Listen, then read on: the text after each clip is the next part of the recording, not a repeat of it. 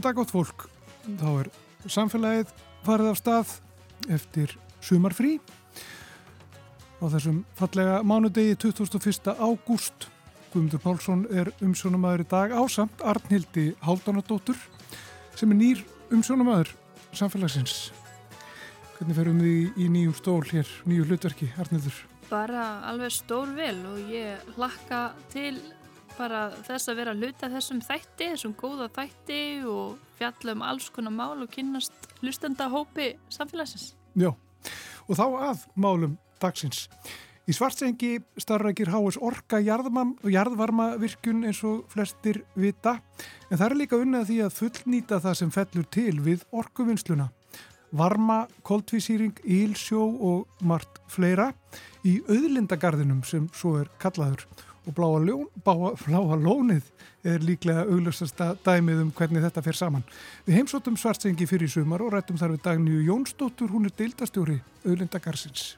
Og við kynum okkur félagum barnabókasapn, þar eru nokkrar hugssjónakonur sem að sumar hafa unnið að því tugi ára að láta drauminn um Íslandst barnabókasapn verða veruleika. Það var ymsar hindranir verði veginum og svo stærsta lítur að fjármagni til að koma bókunum úr pappakossunum og í framtíðar húsnaði. Svo heimsækjum við þjóðskjálasafn Íslands eins og hefðir fyrir og durstum ríkið af gamlum skjölum þar.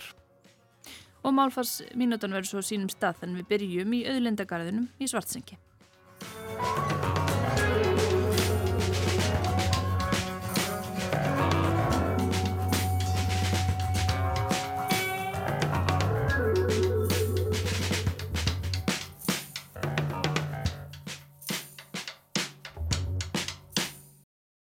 Ég er komin í svartsengi og hér er nú starrakt uh, orkuvinsla, hér er uh, jarðvarmavirkjun uh, eins og við þekkjum.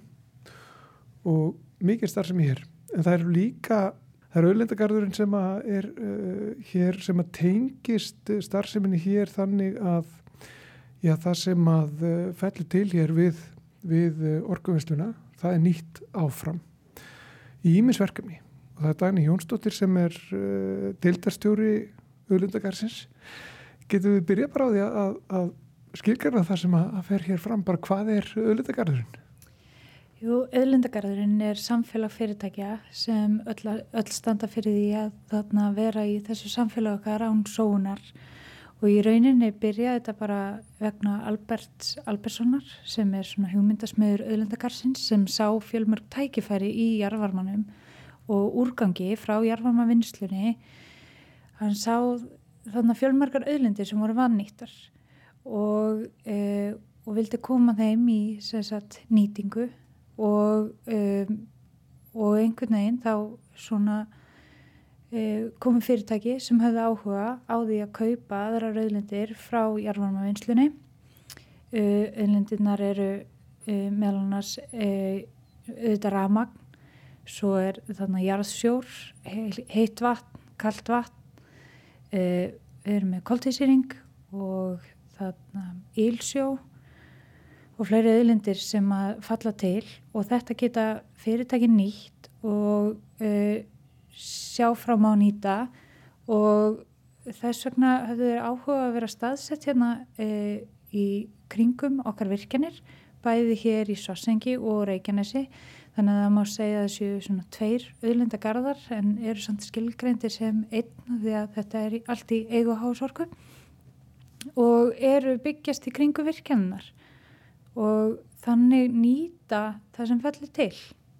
Það er svona kannski og nýta fleiri en eitt ströym. Það er svona svolítið skilgreiningin. Það eru fjölmarkir viðskiptavinnir hásorku sem er nýta bara ramagn en e, viðskiptafinnir auðlendagarsins eru í nálaðu við okkur og geta þannig nýtt fleiri ströyma en einn. Það eru yfir tíu fyrirtæki núna í auðlendagarðinum og ég minna það maður helst nefna bláa lónið sem er svona frægasta dæmið um fyrirtæki í auðlendagarðinum þannig að það eru, það eru hótel og, þarna, og svona ferðarþjónusta sem maður nýtir, nýtir auðlendirnar Svo er það þarna séri, Carbon Recycling International sem nýta hérna koltísir yngra magn vatn og fleira sem er hérna í bakaraðinu hjá okkur í Svarsengi líka. Svo er orflíftækni með gróðrús, uh, svo erum við fjölmarka viðskiptavinni í, í fiskaldi og þar má nefna, nefna matorku sem er að framlega bleikju og þarna stolt sem er að framlega flatfisk, e, flúru, senegalflúru og flytja aðlendamarkaði. E, síðan eru tvær hausaþurkanir sem nýta afgangs, e, eða svona hvað ég segja, afskurði frá, frá útgerðinni, þeir sem er hend. Við þarna seljum mest af fisksteikum en það eru bein og hausar sem, eru, sem verða eftir sem eru þurkar e, við hliðir Reykjanesvirkinar í lókuðu svona þurkunarkerfi nota hitan og þetta er selta á Afríkumarkaði. Svo má e, nefna nýtt fyrirtæki sem að, e, er, var, er að koma í auðlendagarðin og er, var bara að klára einhversmat og er samherji, fiskaldi sem að ætlar, ætlar sér stóru hluti og, er, og áætlar að þarna byggja upp fjör, þarna fjör, 40.000 tonna lagseldi á landi í Ölindagarðin á Reykjanesi. Og það er ansi stort verkefni? Já, það er ansi stórt en við erum svo heppið með það að e, Reykjanesvirkjun er eina sjókelda e, þarna jarvarmavirkjunin í heiminum og það fer þannig fram að þarna, við borum hólur í raunnið og sækjum þar sjó e, aðeins inn í landi sá sjór þegar hann kemur upp, upp þá er hann raunsíðar og í rauninni er engin, engin drulla í honum, hann er alveg hreitt. Við notum þann sjó til þess að kæla Reykjanesvirkjun þannig að hann fer úr uh, um 9-10 gráðum og verður að 30 gráðum og þetta er fullkomin sjór til þess að nota í allskyns fiskaldi og þess vegna er stolt þarna staðnum að þeir eru með hlýsjáaraldi sem eru alltaf hægt að gera hérna á norðukvölu jarðar án þess að þessi auðlind sé til staðar og eftirspurnu eftir þessari auðlind hefur verið gríðaleg og var meðal annars ástæðan fyrir að samherju kaus að vera á Reykjanesi var vegna þessari auðlindar. Þeir þurfa 12-14 gráður þannig að þeir geta blandað reynan, reynan kaldan hraunsíðan sjó. Við reynum heitum hraunsíðum sjó og náð sagt, upp um, hýta sem er eigur vakstarhaða lagsins til verðt og þetta bara hefur mjög mikil áhrif á viðskiptamótalið þeirra. Svo er ekkur hugmyndir það ekki að þetta stiði svona hvað við annað hvað, að, að svona eitthvað sem fellur til innan auðlindagarsins uh, uh, við uh, eina starfsemi það getur nýst í annar starfsemi? Jú, algjörlega. Við erum eiginlega komin á þann stað eins og er að þarna að við erum nánast búin að fullnýta allt frá einrækstri sem að tásorka til fyrirtækjana þannig að næsta skref hjá okkur væri þá að þarna ef við sjáum fyrir okkur að geta að láta viðskiptafinnina nýta ströyma frá konum öðrum og byggja þannig upp auðlindagarinn þannig að það verði eins, eins konar ringrás auðlinda.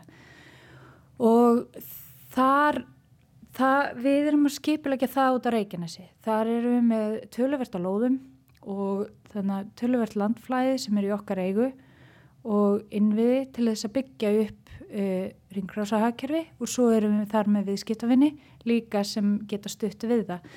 Uh, ef við horfum á til dæmis uh, rafelsneitisverkefni þá þarna er það fullkomi verkefni í slíkt, slíkar ringrás sem, svona, sem myndir styðja við ringrásasvæðinu við það að þarna framlega til dæmis rafelsneiti þá þarna losnar frá því súrefni framleiðslunni sem er auðvitað fullkomið í fiskaldi sem er þarna nálagt og svo kemur hiti frá því sem er hægt að nýta í gróðurhús eða alls konar framleiðslu, þurkun, alls konar framleiðslu og svo geta þeir einni reynsað koltvísiringin frá uh, virkinu sjálfuri og verið þá með reynan það sem kallast food grade koltvísiringur. Það er reynan að þú getur notað í matvælaframleiðslu. Þetta er bara eitt dæmi og svo auðvitað samnýta sjó, samnýta alls konar hluti. Og fiskaldið eins og samherji með 40.000 tonn það fellur gríðalegur úrgangur uh, til vegna þeirra framlegslu og hann er hægt að nýta í til dæmis ábyrð þannig að það væri til dæmis hægt að skoða ábyrðavesmið þannig að tækifænin eru fjölmörg og við erum uh, sjálf í, í heilmikið vinnu við innviða uppbyggingu og hvernig við ætlum að struktúra þetta. Þegar að bláa lónið uh, byrjaði hérna fyrir nokkrum áratugum síðan og hefur nú vaksið ógs mjög rætt og vart átti stórt óraði eitthvað fyrir því að, þetta er því svolítið svona framtíðin að, að nýta það sem fellur til hérna við, við uh, orkuframleyslu og orkuvinnslu í, já, bara alls konar í þinnað. Já, Bláalónu er náttúrulega dæmi um fyrirtæki sem hefur vaksið gríðarlega mikið. Við þarna, þeir eru orðinni miklu starf en við sem eh, og, og þeir eru þetta nýta úrgákinn eða auðlindina frá okkur. Og ég, ég held að vennjulegu fólki hafi ekki óra fyrir þessu. En á þeim tíma þá var Albert Albertsson hér og ég held að hann hafi alltaf hugsað hann hugsa bara hundra ár fram í tíman hann er bara þannig karakter. Og, og núna í dag hann var að sagt, eh, fara á eftirlun bara í síðasta mánuði.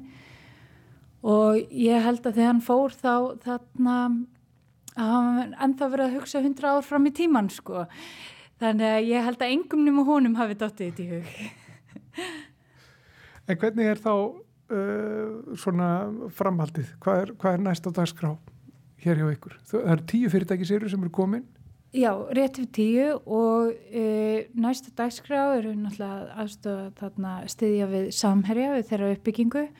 Svo eru við með þarna spennandi tækifæri sem eru í bígerð og þá, þá maður meðal annars nefna að við vorum búin að skrifundi við sæirnældi sem er e, þarna e, sem við erum að skoða fyrir e, Reykjanes og við erum að sjá hvort að við getum komið því fyrir. Um, þeir eru með klagstuð í Grindavík og þarna við erum að skoða áframaldi á Reykjanesi hvort þau getur samnýtt einhverjur auðlindir þarna með öðrum uh, fyrirtækjum og svo eru bara fullt af spennandi tækifærin sem eru á teikniborðinu og mörg búin að vera þar í mörg ár orkugeirin er svolítið uh, hægur, það er lungþróun á hverju verkefni. Þetta eru gríðarlega stór og þarna efnahagslega mikilvæg verkefni líka. Og þannig að þannig að ég get ekki alveg sagt frá öllum verkefnunum en það er allavega mjög mikið í gangi. Mjög mikið uh, gróska, við gætum ekki haft það betur. En þessi svona þessi hugmynd um sko þessa grænu orku og að, að hún er undirstaðan einhvern veginn eh, fyrir, eh, fyrir þessa, þessa starfsemalla og alls konar fyrirtæki sem vilja vera hér. Er það líka tengingi við, við grænu orkuna sem að, sem að heillar þá sem að vilja eh, byggja upp hérna í kringum ykkur? Já, alveg klálega og maður finnur fyrir því sérstaklega, e, sérstaklega erlendis frá að fyrirtæki, þetta er að verða miklu mikilvægara og fyrirtæki erlendis frá leita að grætni orku sem er á samkefnishæfi verði og, og hana finnur þú er á Íslandi. Og sérstaklega það sem er sérstaklega hillandi er að þetta eru langtíma samningar uh, eins og orkumarkaðir hafa verið í Evrópu undanfærin ár þá þarna þá er rosalega mikil, eh, mikla sveiblur í verði. Og og þá sjáðu, sjáðu fyrir sér að það sé jafnvel auðveldar að koma til Íslands og vera með fyrirsjánleika til framtíðar ef að starfsefn þeirra hendar aðstæðum hér af því að það hendar ekkit allt Íslandi skilur.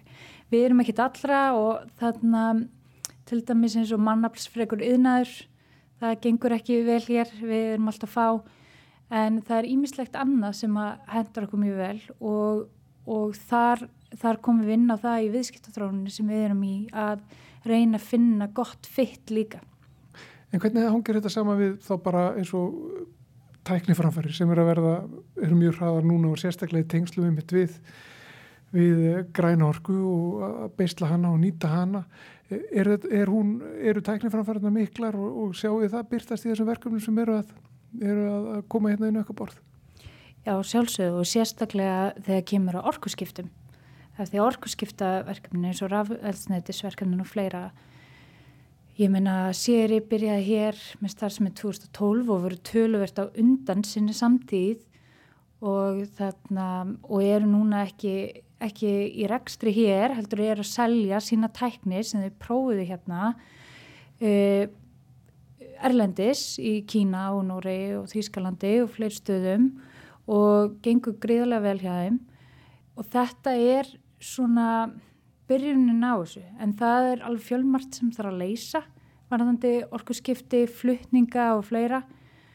Og þá held ég að sé ekki til fyrirstöðu að Ísland verði, verði góðu staður til þess að þarna vera með nýtækni og þarna og rafelsniti eins og þau kallaði þetta Power to X, alls konar alls konar lausnir Sko því þú nefnir orkurskiptin sko því komið og lagði í bílunum ég held að séu fleiri stæði fyrir rafbíla hérna hlæðslu stæði heldur en, en vennuleg stæði. Já, það er rétt eh, og það er gaman að segja frá því að því að H.S. Orka var í samstarfi við þarna Instavolt sem er brest eh, eh, hlæðslu nets fyrirtæki, við erum með hraðhlæðslu net um eh, allt Breitland meðal annars Við erum að byrja með hraðlæðslunni hérna og rekum einmitt núna stærsta hraðlæðslugarð á Íslandi sem er hérna hjá Marriott-hotellinu í Reykjanesbæ og stefnan er á næstu tveim árum að setja um 100 hraðlæðslu stöðvar um allt land þannig að aðgangur uh, verði betri og við erum líka að selja þetta til uh, hús, uh, íbúðahúsa, bæði einbílishúsa og fjölbílishúsa og á sagt, í svona leigu. Þannig að þarna þannig að við erum að koma stert inn á hraðhleðslu markaðin og þarna og sínum það alveg í verki að því ég held að það séu fjögur bílastæði fyrir venjulega bíla og ég veit ekki hvað mörg fyrir þarna fyrir rafbíla hérna á, í Svarsengi Ég náði semst einu af þessum fjórum fjórum stæðum hérna en gafna að fá að koma hérna og, og fræðast um auðlindagarðin, eh, Dagni Jónsdóttir deildastjóri auðlindagarðis. Takk fyrir að taka mútið mér hér. Já, takk kærlega. On a warm summer's evening On a train bound for nowhere I met up with a gambler We were both too tired to sleep So we took turns of staring Out the window at the darkness Till boredom overtook us And he began to speak He said, son, I've made a life out of reading people's faces knowing what the cards were by the way they held their eyes. So if you don't mind my saying, I can see you're out of aces. For a taste of your whiskey, I'll give you some advice. So I handed him my bottle, and he drank down my last swallow. Then he bummed a cigarette and asked me for a light. And the night got deathly quiet, and his face lost all expression. Said, if you're gonna play the game, boy, you gotta learn to play it right. You got to know when to hold up, know when to fold up, know when to walk away, and know when to run. You never count your money you're sitting at the table, there'll be time enough for counting when the dealing's done.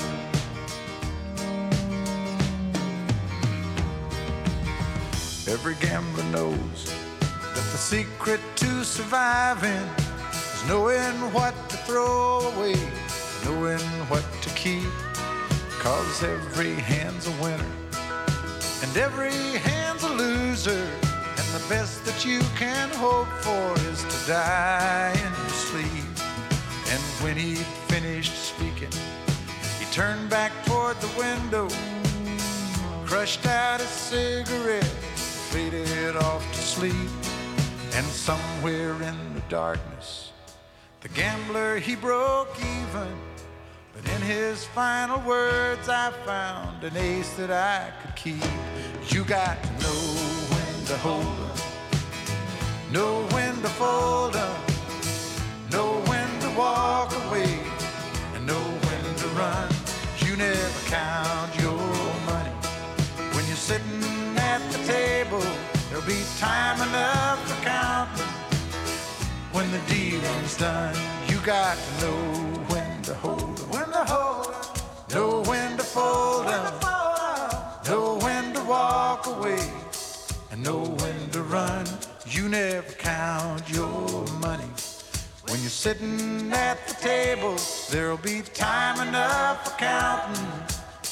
When the dealing's done, you got to know when to hold 'em, know when to fold 'em, know when to walk away, and know when to run.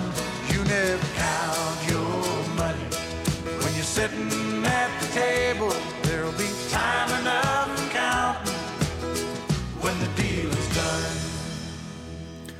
Þetta var Kenny Rogers The Gambler heitir þetta lag og Kenny Rogers er Amalisbatn Dagsins, hann fættist þennan dag 21. ágúst 1938 og hefði þið verið 85 ára í dag Og þá að barnabókum um félagum barnabókasafn hefur verið starfandi í tvö ár og ég heitti Sigrúnu Klöru Hannesdóttur, bókasafsfræðing, fyrir um landsbókavörð og stjórnarkoni félaginu upp í árleini í Keldnaholti, þar sem að kassarnir hrannast upp. Þú ert manneskja sem ég ætlaði að hitta. Þetta er ekki, þetta er ekki döðveld að finna þetta. Nei, sæl, sæl. Takk fyrir að taka á mót okkur. Hér er geimslan. Þetta er partur af henni. Já. Þetta er það sem við erum að vinna við sko núna. Sko hérna eru 80 kassar Já. á bókun sem við erum búin að skrá og búin að pakka og eiga að verða að grunnurinn að, að barnabókasafni Íslands. Og þetta eru svona allt vel með farnar og, og, og skemmtilega bækur. Hreitnin fótfrái. En það er svo gaman að því að margt af þessum bókum sem að allir muna eftir, eru bara ekki til einhvernum í tætlum. Því það hafa verið lesnar upp bóstarlega upp til lagna. Já. Og kannski borðaðar líka. Tugnar allavega, nagað á hóknunum. En svo höfum við fengið sko dýrmættar gjafir eins og hérna er öll æskan innbundin í leður. Og það var bara kona sem kom frá Akranissi gaggjart með þetta. Pappirna hafði bundið þetta inn og voru óskaplega glöði við að geta komið þessu hérna til okkar. Það er, yfirleitt er fólk mjög ánægt með að við skulum taka við öllu. Vegna þess að þetta er svolítið tilfinningamál fyrir marga. Þeir vita ekki hvað að gera, þetta er í tjallurum og bílskúrum og hér og þar þessar bækur. Já. Fólk vil ekki þetta glatist. Vill ekki, ekki fleia því. En hvort að gratast hjá okkur, það er enginn að spekulur í því. Það er svona búið að koma þessu yfir á að aðra, ábyrðin yfir á aðra. það er búið að koma þessu yfir á aðra og samvisku bitið er þar með farið. Og hér eru bara, það eru alls konar bækur. Benni fyrir að sofa, þroskandi myndspjaldabækur á yðunni. Elvar Þór hefur átt þessa, segi ég. Já, já. Og þetta er einmitt svona svolítið í bland. Þetta er mikið bland. Sko, Tiltöla nýlegar bækur og svo bara hérna eru trosnaðir kilir og hrói höttur. Spurning sko hvort við höfum að byrja því að, ef þú átt einhverju, uppáhaldsbækur eða vilt sína mér einhverju nokkra, nokkra skemmtilega titla. Ég skal nú sína þér hérna eina. Já, sem er algjört fágæti, hún er hvergi til, ekki til hún skrá í landsbókasafni en einn staðar og það er eiginlega ekki hægt að sjá hvað hún hefur verið gefin út og hún heitir Sagan um þá, þrjá, um þá tíu smáu grísi og þetta er saga sem er verðum aldrei ljót fyrir börn sko. nú það er oft því Þannig eru, eru allir tíu saman og skýnum. já, svo fótbrotnaði einn og þá voru eftir nýju Já, þetta er einu af þessu. Þetta er einn af þessum sko. Svo fóru þeir í Kaupstað og einn var hengdur. Svo að hérna, Þetta er ekki vel.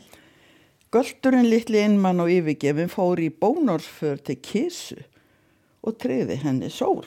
Það er svolítið óvendur endir. Já, það, það má nú segja. Svo eru svona bækur eins og pennukokukongurinn og sem að var voða vinsætt og það er líka þetta eina af elstu bókunum sem er með litmyndum. Já. Og ef við kannski ræðum bara aðeins hugmyndina baku þetta barnabóka sapp. Já. hver, hver er í rauninni kveikjan að þessu og af hverju teljið þið vera þörfa á þessu? Sko, ég hef stundum sagt um þetta dæmi allt saman. ég veit ekki hvort þetta er hugssjón eða þráhyggja. Þetta er eitthvað sem ég hef búin að ganga með uh, sem draum bara í 40 ár sko. Alveg frá því ég fór fyrst til Svíþjóður og sá sænsku barnabókastofnunina. Og ég var svo heitluð af því hvað vel var haldið utanum alla bækur, allar útgáfur, uh, alla myndlistar menn, það er eitt af því sem við erum að glata í stórun stíl, það eru myndirnar sem eru í bókunum vegna þess að það er engi staður sem geymir það. E, þannig að, að ég byrjaði svona að láta mig dreyma um að þetta er þið til.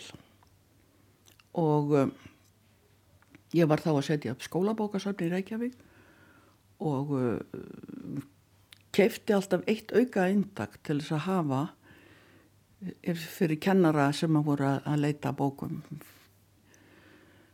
Og við vorum eiginlega alveg vissum að þar væri komið, þar ættu við sko allar íslenska barnabækur frá því kringu 1970 en svo týndist þetta saman.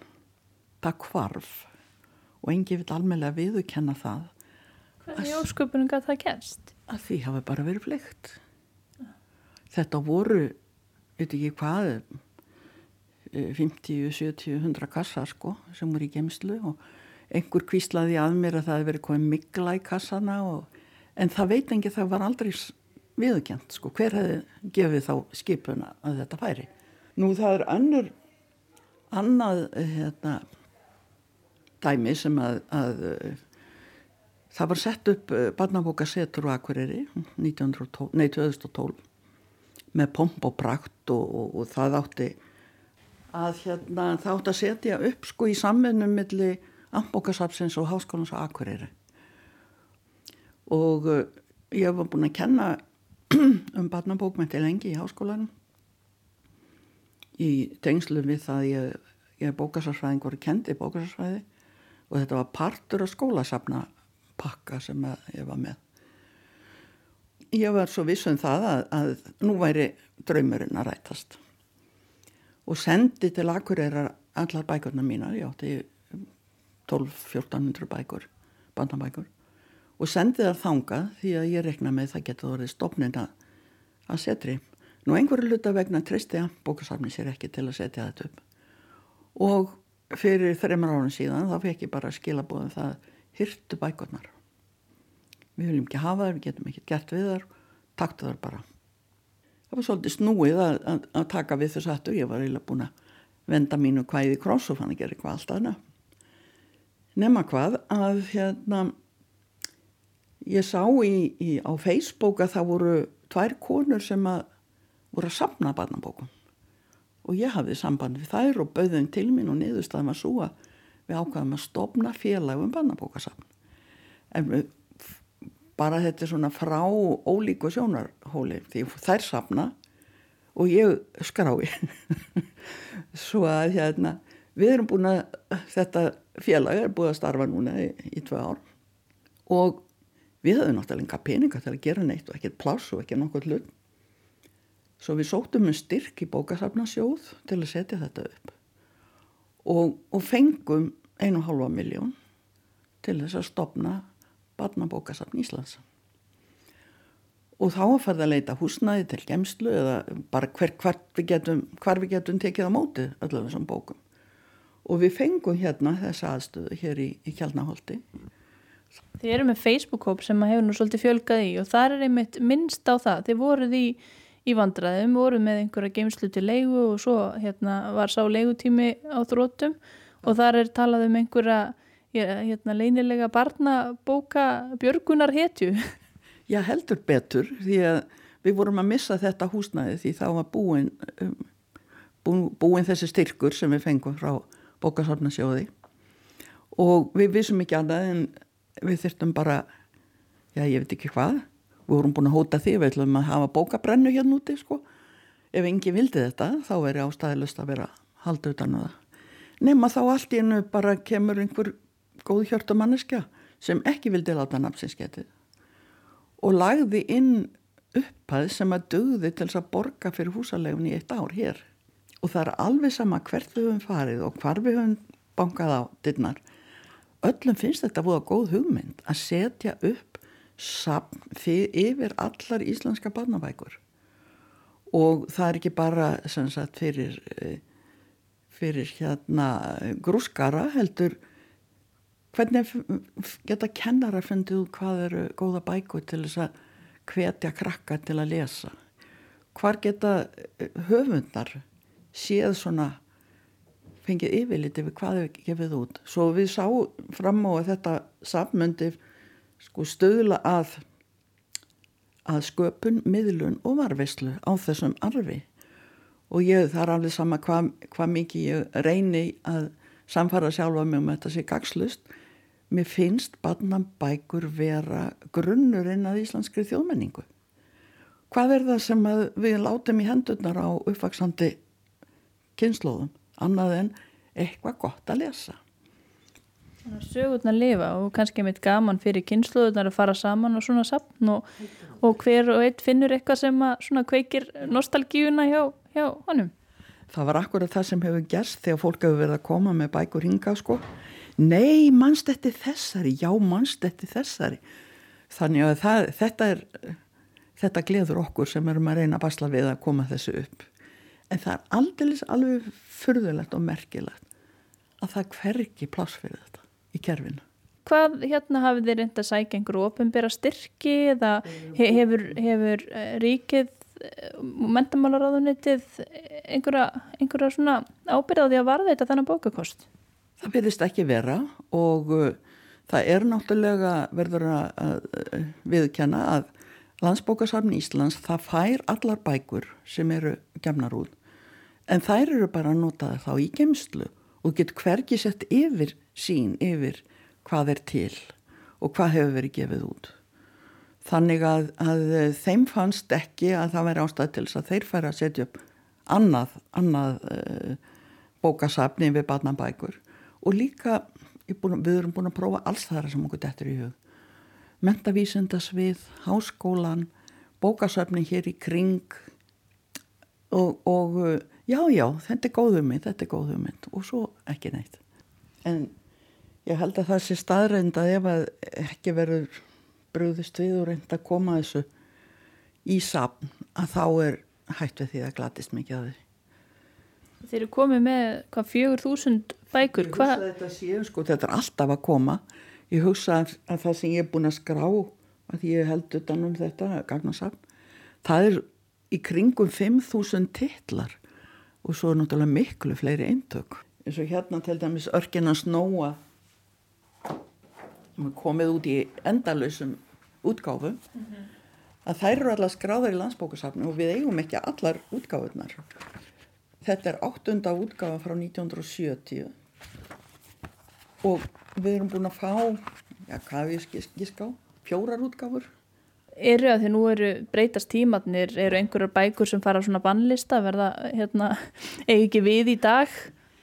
Það er eflaust og sé nú eins og þessa bók þarna með svínin sko, ég veist að þetta væri nú daldi ljót bók sko fyrir, fyrir lítil börn að þau geta orðið hrætt við það að svínin eru hengt og eins og bara borðu við svínakjöld svo ég menna til allar hamingu höfum við nú verið svo heppin um það á Íslandi að, að Eh, það ekkert verið mikið um að bækur, barnabækur verið bannaðar. Og þó mann ég eftir það var svona farið fram á það bók sem var gefin út fyrir mörgum ára síðan og hétt Félagi Jésús að hún er ekki sko í skólasöfnunum að því það var svona Jésús var gerður svolítið glannalegur svona eins og hálfgerður hippi þannig að það fór fyrir brjóstið á, á sömum kirkjunamönnum en, en svo bara þetta var sko saklus bók sko.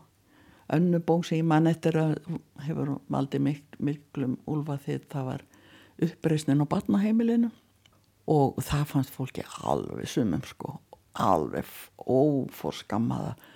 Var verið að kenna þeim einhver bildinga bildinga hugssjóni og, og, og leikskólunum sko En þetta er alltaf spurning sko, er, er barnabókin einhvers konar innræting eða, eða tækifæri til þess að menta börnin eða má þetta vera bara algjörlega frjálst bókmentaform þar sem að má í rauninni fjallum hvað sem er? Það finnst mér sko. Með bókasöfnin og bókaverðinir þeir mig aldrei setja sig á milli bókmentana og barnana eða notendana. Hvernig ef við hugsun bara um kynnslóðunar og mismunandi eh, tíma, hvernig hefur barnabókin breyst og hvernig er lesefnið í dag kannski ólíkt því sem að fólk var að lesa 1980 eða börn úr að lesa 1980 eða 1950? Hvernig hefur þetta þróast? Og það sem hefur breyst einna mest finnst mér myndskreitingarnar. Að e, þegar ég er að alast upp þá þótti mér náttúrulega stórkoslegt að það var einn svarkvík mynd í bók. En, en virð, mér finnst eiginlega sko hugmyndaheimurinn hafi ekki breyst svo mikið. Það er ennþá svo þetta já en gaman skemmtileg að þetta verið svona sko. Það eru finnar mynd, myndir Þetta fyrðulega og framandi. Fyrðulega og framandi og þetta er það sem ég er að gera. Svona leiðilegri parturinn það er að skrá og uh, pakka í kassa og merkja kassana og ræða þeim upp. Kassana og, og, og, og svo býðum maður eftir í kannski, kannski ef ég er heppin kannski vil einhver taka við þessu og setja þetta upp og hérna við erum búin að láta okkur dreymum það núna að við að byggja bókasafni í Hafnafyrði og mann finnst það svo flott ef að Hafnafjörði geti orðið svona barnamenningabær Íslands með alla þessar flottu höfunda sem að hafa komið þaðan sko. Þeir eru með marga ánga úti. Hvað... Þeir eru með alla ánga úti sem bara dettur í hug sko. Takk fyrir spjallið Sigrun Klara Hannesdóttir. Já, takk að þið fyrir að koma. Og þarna laug þessu spjalli og þá má við bæta við þetta félagið um barnabæku. Það stendur, er barnabókasafn, stendur verið málþingi þann 9. oktober næstkomandi í þjóðabókluðinni. Þar verður líklega gafaborð með auka intökum af vinsalum og góðum bókum. Um að þetta er að heimsækja þjóðskjálasafn Íslands, gerum það hér og eftir, en fyrst ætlum við að heyra eina málfarsminútu.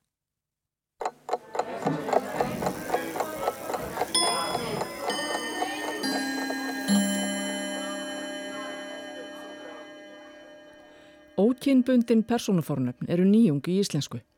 Helstu ókynbundnu fornöfnin eru hán, hé, hín og þau. Með fyrstu þremur er notað kvorukinn eintölu. Dæmi um þau eru hán er ánægt, ég hitti hán áðan, ég var heima hjá háni, ég fekk bókina háns lánaða. Hé er kennari, nemyndurnir eru ánæðir með hé, ég var að koma frá héi, ég fór með bók til hés. Hín er skemmtilegt. Ég talaði við hín í gær, þá voru gestir hjá híni sem var ánægt með heimsóknina. Ég ætla að fara til híns á eftir. Með þau er notað kvorukinn fleirtölu þótt vísa sér til aðeins eins kvárs. Dæmi, þau eru skemmtilegt stálp. Ég hitti þau í búðinni og hjálpaði þeim við innkaupin. Mér er bóðið í mat til þeirra.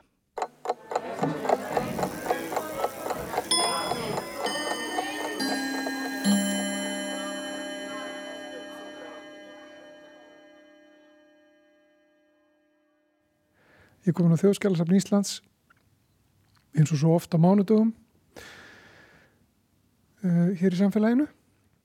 Og uh, ég sitt hérna inn í fundarherbyggi og hér er búið að uh, dreifa á, á borðið ymsum skjölum og bókum. Og þetta er afskaplega sumt að þessi virðist vera afskaplega gamalt.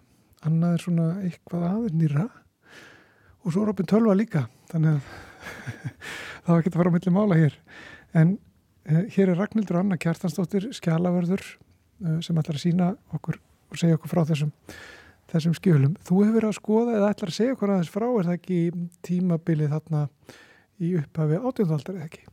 Jú, sem sagt þetta er kringum 1703 þannig að í lok 17. aldar 1690 til 1700 ennkendust rosalega mikið harðendum uh, skeppnur, uh, bæði dór hungri og kulda, fólk líka.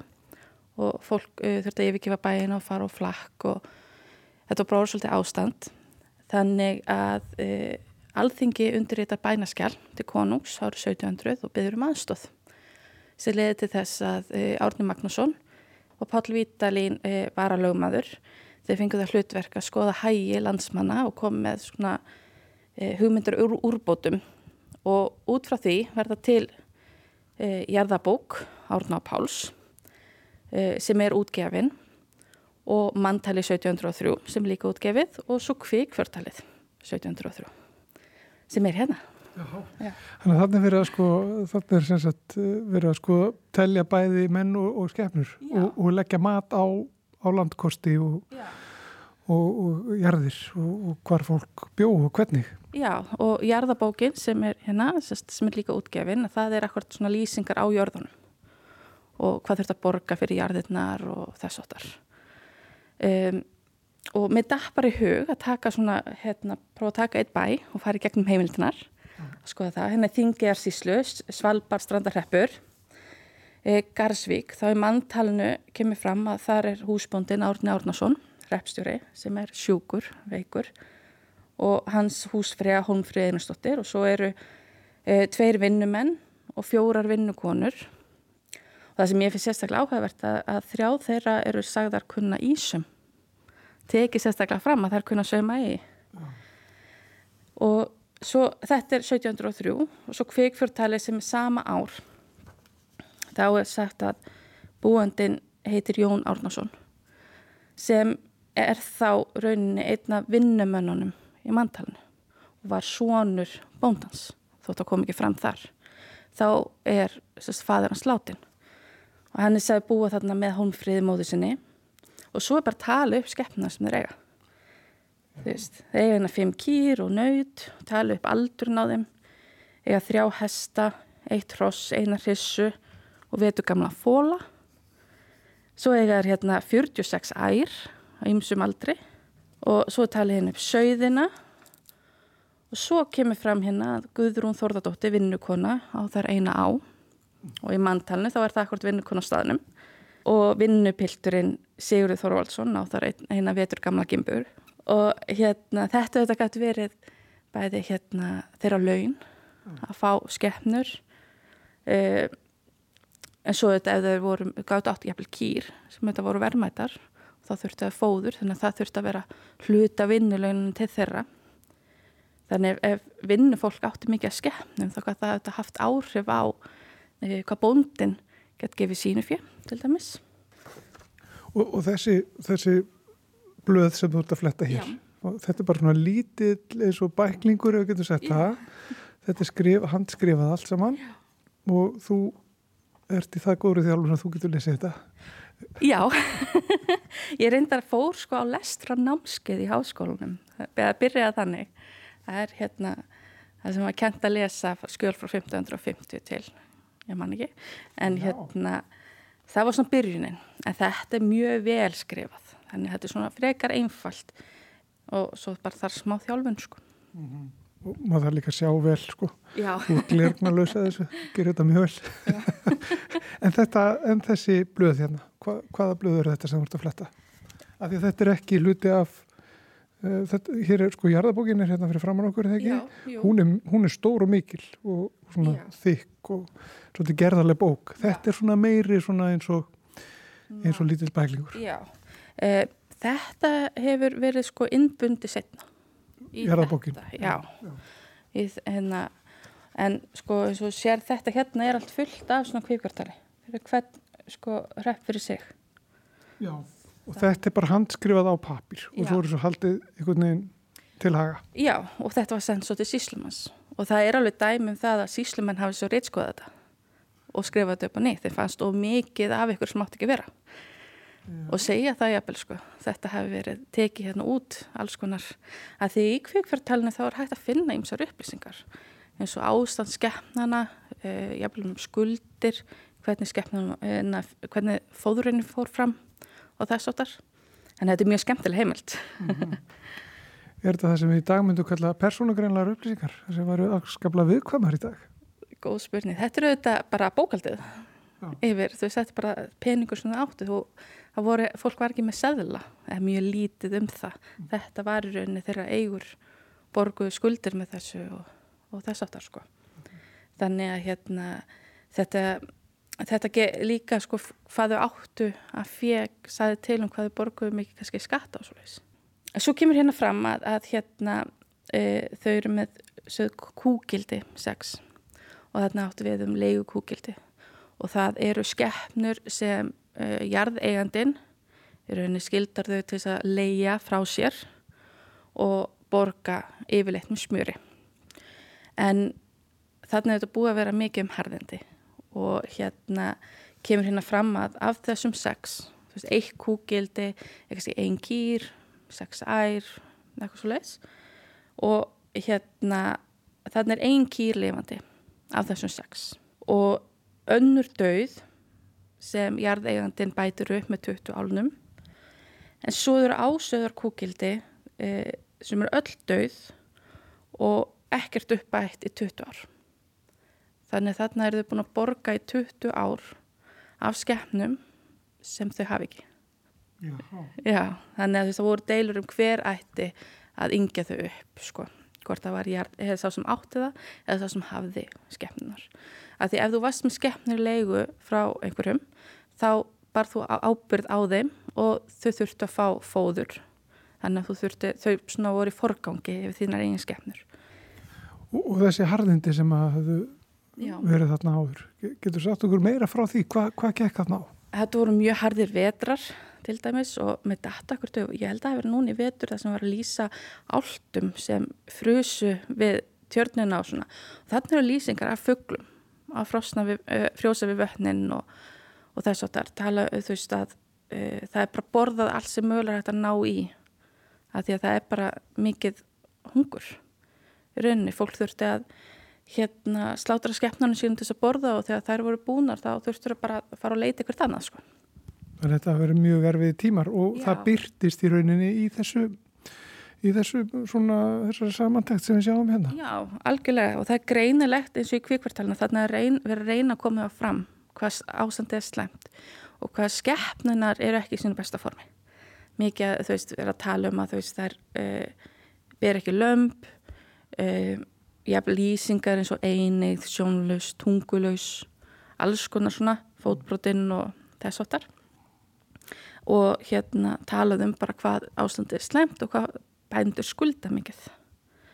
Og hérna, jáfnvel hérna í skriðdali sögum úlasíslu kemur til dæmis fram á mörgum bæjum þetta eru eignir bóndans og lengi sem hann borgar ekki skuldir.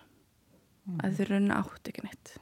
Það er bara, og þessu skuldi gáttu verið til um, í gjöld eða skatta til annara bænda til uh, kaupmannsins pressins Hefur að já, skoða meira. hérna Við erum ennþá að skoða Garsvík, eða ekki? Jú, jú, og hérna jarðabókin, sem sagt, hún reyndar, um, það tók svolítið tíma fyrir þá að gera þessa jarðabók frá 1702 til 1714. Þannig þetta, þessi gögg sem við vorum skoðið frá 1703 og, og þessi bók er frá 1712. Og þetta er eftir stóru bólu sem voru mikil veikindi, svona farsótt sem fór hérna um. En þar kemur fram að eigandi jarðarinnar er Lárus Hansson, uh, sí- hérna, síslumadur sem var akkurat sá sem var sagt hérna í kvikvörtalinu að hafði e, bætt upp eitthvað kúkildi sem var sem sé bara jarðeigandi sem var þannig að bæta upp. E, landskuldin, hún var borguð í landaurum sem voru alla gælgengar vörur sem gæti verið vaðmál, skeppnur, fóður, fiskur og leigukúkildið e, ha- var hennar borgað í smjöri. Og maður sér það til dæmis í gullbringuskíslu þar svo mikið um veiðar. Það er mikið af eins og landsk, landskuld og, og leigurnar fyrir kúkildi voru borguð í fisk. Af því að það var það sem fólk hafði.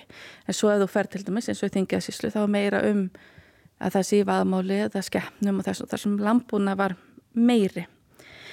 E, hérna kemur fram að hvaðir voru einhver en þær voru samt mjög algengar. Hvaðir voru gjöld fyrir jörðina? Ekki í eitthvað sem hún borgar heldur eitthvað sem hún gerðir fyrir jörðeigandan það getur verið mannslán og lánaði mann frá þér. E, dagsláttur þá fóstu að slá hjá jörðeigandurum eða fóstu á skip hjá honum þú þurftur kannski að lána honum hest. Og þetta getur verið slíjandi fyrir þig og þurftur að lána eitthvað frá þér þegar þú þurftur kannski á því að halda og þetta var sérstaklega mikið um þetta eins og kringu bestastæð það er hérna það voru mjög mikið um hvaðir og þetta gæti líka verið eins og fóður hvaðir og ef þú þurftir að taka skemmni fóður til þín þá þetta hafði það áhrif á hvað þú gæst gefið þínu skemmnum og svo er ég með hérna uh, manntalskjálta bók sem er í rauninni uh, yfirlit yfir hvað borgar í skatt og göld og þar hún er frá 1702 þannig að ári fyrir hérna, manntalið og kvikvartalið og þá er Árni Árnason sérstætt uh, sá sem var húsbóndin í manntalinu og þar er talað um hann borgar í þessa skatta og þessi göld skatturinn var sérst til konús og gjafatollu sem var til síslumanns og það er hann borga í sokkum. Nákvæmlega. Og það var jafnlega algengt að borga í vettlingum eða prjónlesi sem var þá gæti verið sokkar, vettlingar, húa eða eitthvað og, eða vaðmáli. Að því að okkur finnst það bara svona, já, sokkar vettlingar, þetta er, þetta er, þetta er svo lítið. En þarna var þetta mikið, það var mikil vinn á bakveg þetta. Mm. og hérna og mikilvægar flíkur. Mjög mikilvægar flíkur. Mm. og það er alveg mér fannst alveg stórmerkilegt því að ég var skoðað dómabækur og það var mál þar sem einhver var sakar um að hafa stólið hú þetta var bara stór mál. Í dag myndum við fara út í búð bara og köpa nýja hú en þarna þetta var hérna mikilvægar flíkur. Þú veist, þetta er auðvitað það sem skildiði fyrir vetrinum og þess að þar og annað mál sem mann eftir var vinnukona svo sökuðum að hafa stólið ull af höfði kindar. Einhverju sem á ull. Mm. Já, þannig að þú veist, þetta var þetta voru mikilvægar afurðir hérna áður fyrir Hva, hvernig, Hvað hugsað þú þegar þú ert að skoða þessi þessi hérna gögn öll? Þú ert að, setja þetta í samengi við, við samtíman á eitthvað nátt eða?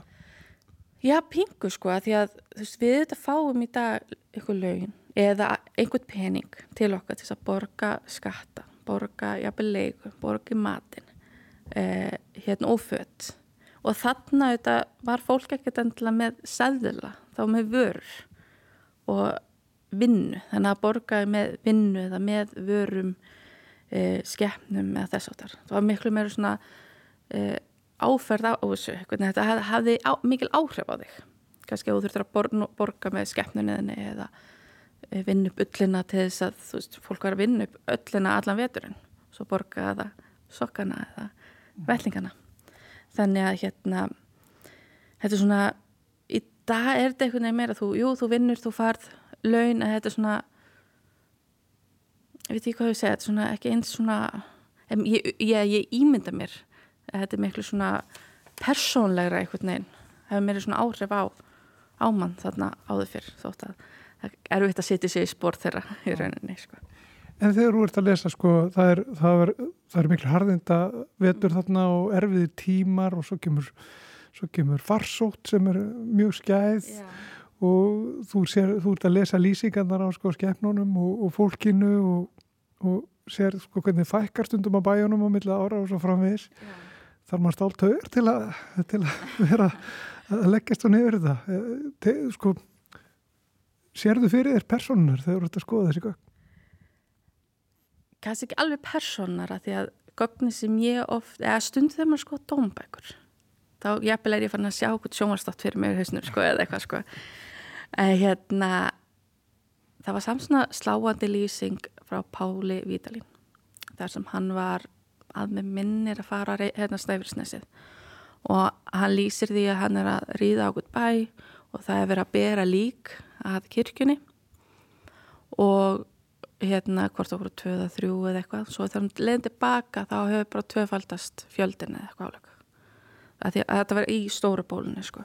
og þá verður þetta svolítið svona wow, þetta hefur verið svaka ástand það var þetta bæir sem bara sko hérna, þessi bara allir dói mm. lýsir graf kannski bara batna á brjósti og allir aðrir dánir á bænum sko. þannig að hérna og ég upplif, fá svona mér hugsaði þetta til þetta þegar maður hugsaði, þú veist, þegar maður var að heyra eins og frá löndum í COVID þessum þú veist, var, ég vil vera að bera líkin út á götu og þess að það er svona þá hugsaði ég til þessa tíma hvernig, hvernig þetta væri svona, já Þetta er átakanlega lýsingar. Já, Já, það er það. Bara í lókin, sko, Já. ég sé mjög fallegt bref innsiklað, eða sem hefur verið innsiklað.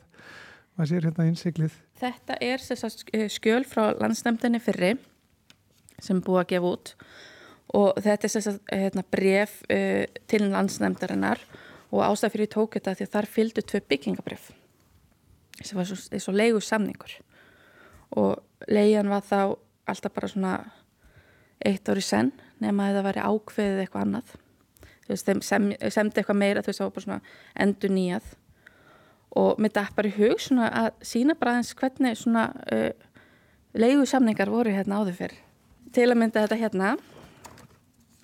Skjál er leigu samningur fyrir jörna Artger staði í fljótslið þar sem að Guðmundur Sigursson uh, fær jörðina til leigu uh, frá 1771 til 72 og í leigu samningum það eru fjórar svona greinar að skilmálar sem maður þarf að fara eftir og svo fyrsta er að, að borga ákveðin, ákveðin í fríðu í landskuld, svona eitthvað skeppnur og, og borga það á réttum tíma.